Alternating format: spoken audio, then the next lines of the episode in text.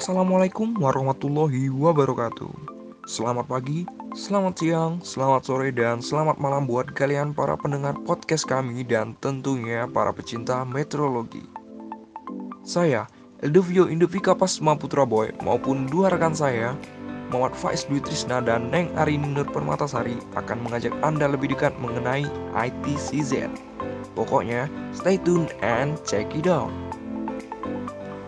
ITCZ pada awalnya diidentifikasi dari tahun 1920-an sampai 1940-an sebagai front intertropis atau biasa disebut dengan ITF. Namun, setelah pengakuan pada tahun 1940-an dan 1950-an, pentingnya konvergensi lapangan terhadap angin dalam produksi cuaca tropis.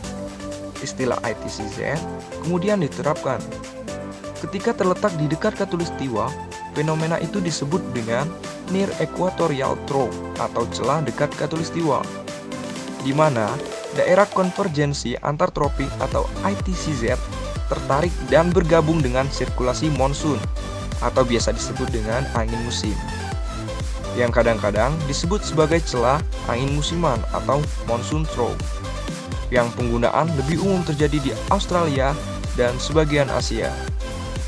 Dan menurut Delwarta and Horn pada tahun 1968, ITCZ adalah garis atau zona yang berkaitan dengan pusat sirkulasi siklonik yang memiliki tekanan udara yang sangat rendah dan daerah sekitarnya dan berada di antara dua cikungan ekuatorial.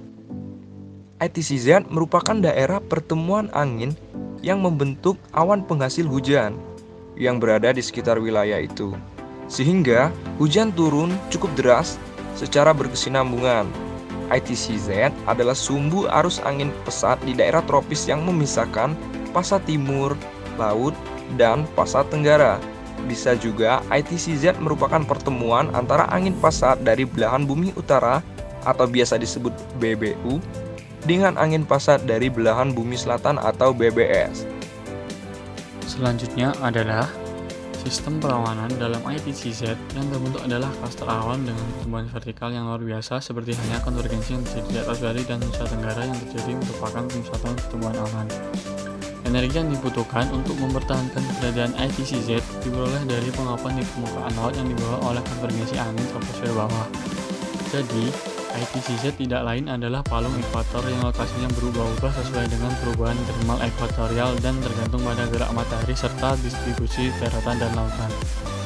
Sabu ITCZ membawa hujan ini terbentuk akibat konvergensi angin pasat dekat ekuator yang akan bergerak melintasi ekuator dari utara ke selatan atau sebaliknya sesuai dengan pergerakan semu matahari. Konvergensi pada ITCZ inilah yang dapat menciptakan hujan deras di kawasan yang dilaluinya. Indonesia merupakan salah satu negara yang berada di wilayah ekuator dan memiliki iklim tropis. Wilayah ekuator pada umumnya merupakan wilayah pusat tekanan rendah atau lebih dikenal dengan wilayah siklon. Wilayah siklon merupakan wilayah tempat berkembangnya awan-awan konvektif yang menjadi sumber pertumbuhan badai dan cuaca buruk lainnya. Wilayah ini lebih dikenal dengan nama Intertropical Convergence Zone atau ITZZ. Wilayah ini terletak antara lintang 5 derajat sampai 23 derajat baik utara maupun selatan. Nah, sekarang kita akan membahas kenapa sih penting mempelajari ITCZ. Jadi, mempelajari ITCZ ini sangat diperlukan untuk menjelaskan beberapa fenomena-fenomena iklim yang terjadi di dunia, khususnya di daerah tropis seperti Indonesia. ITCZ mampu menjelaskan fenomena banjir yang telah melanda hampir sebagian besar wilayah di Indonesia. ITCZ memainkan peran penting pada keseimbangan energi atmosfer dan iklim di bumi, dan menyerap panas yang berlebihan di atas permukaan lautan tropis yang ditransfer ke troposfer rendah melalui penguapan, kemudian diangkut ke altitud tinggi melalui konveksi, panas laten, dan latitud tinggi melalui sirkulasi Hadley. Selain itu, peningkatan awan konvektif terkait dengan sistem kontribusi yang signifikan pada albedo planet, kapasitas dan transmisivitas dari kejadian radiasi matahari. Di dalam dan di luar ITCZ, flux panas, kelembapan, dan momentum dan radiasi matahari melalui permukaan laut dan dalam suasana berbeda. Dengan demikian, struktur, posisi, dan migrasi dari ITCZ adalah penting dalam menentukan dan menganalisis iklim bumi pada skala global, dan juga kekuatan dan karakter dari kopling udara atau laut penting dalam menentukan iklim bumi di skala lokal. ITCZ memiliki kesesuaian dengan data curah hujan in situ dalam menentukan perakiraan awal musim untuk curah hujan monsunal ekuatorial, dan lokal, di mana informasi perakiraan awal musim dibutuhkan di berbagai sektor. Sebagai contoh, seperti sektor pertanian yang membutuhkan informasi perakiraan awal musim untuk memastikan persediaan produksi nasi dan meningkatkan ketahanan pangan. Informasi perakiraan awal musim juga penting untuk melakukan tindakan preventif dalam menghadapi musibah alami seperti banjir, tanah longsor, dan kekeringan. Pada saat sistem ITCZ sangat dominan, maka akan menarik semua masa udara ke pusat ITCZ.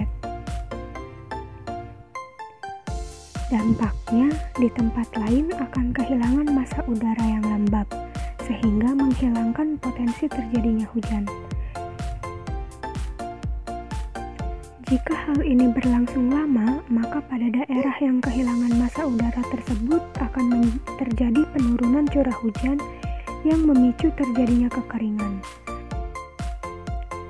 Jika hal ini berlangsung lama, maka pada daerah yang kehilangan masa udara tersebut akan terjadi penurunan curah hujan yang memicu terjadinya kekeringan.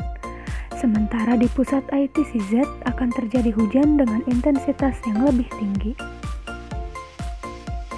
Nah, jadi itu tadi pembahasan mengenai ITCZ atau Intertropical Convergence Zone yang sedikit dibahas oleh saya dan kedua teman saya. Semoga dapat menambah pengetahuan kita dalam mengenal fenomena-fenomena cuaca ya. Terima kasih sudah mendengarkan podcast kami dan sampai jumpa lagi semua.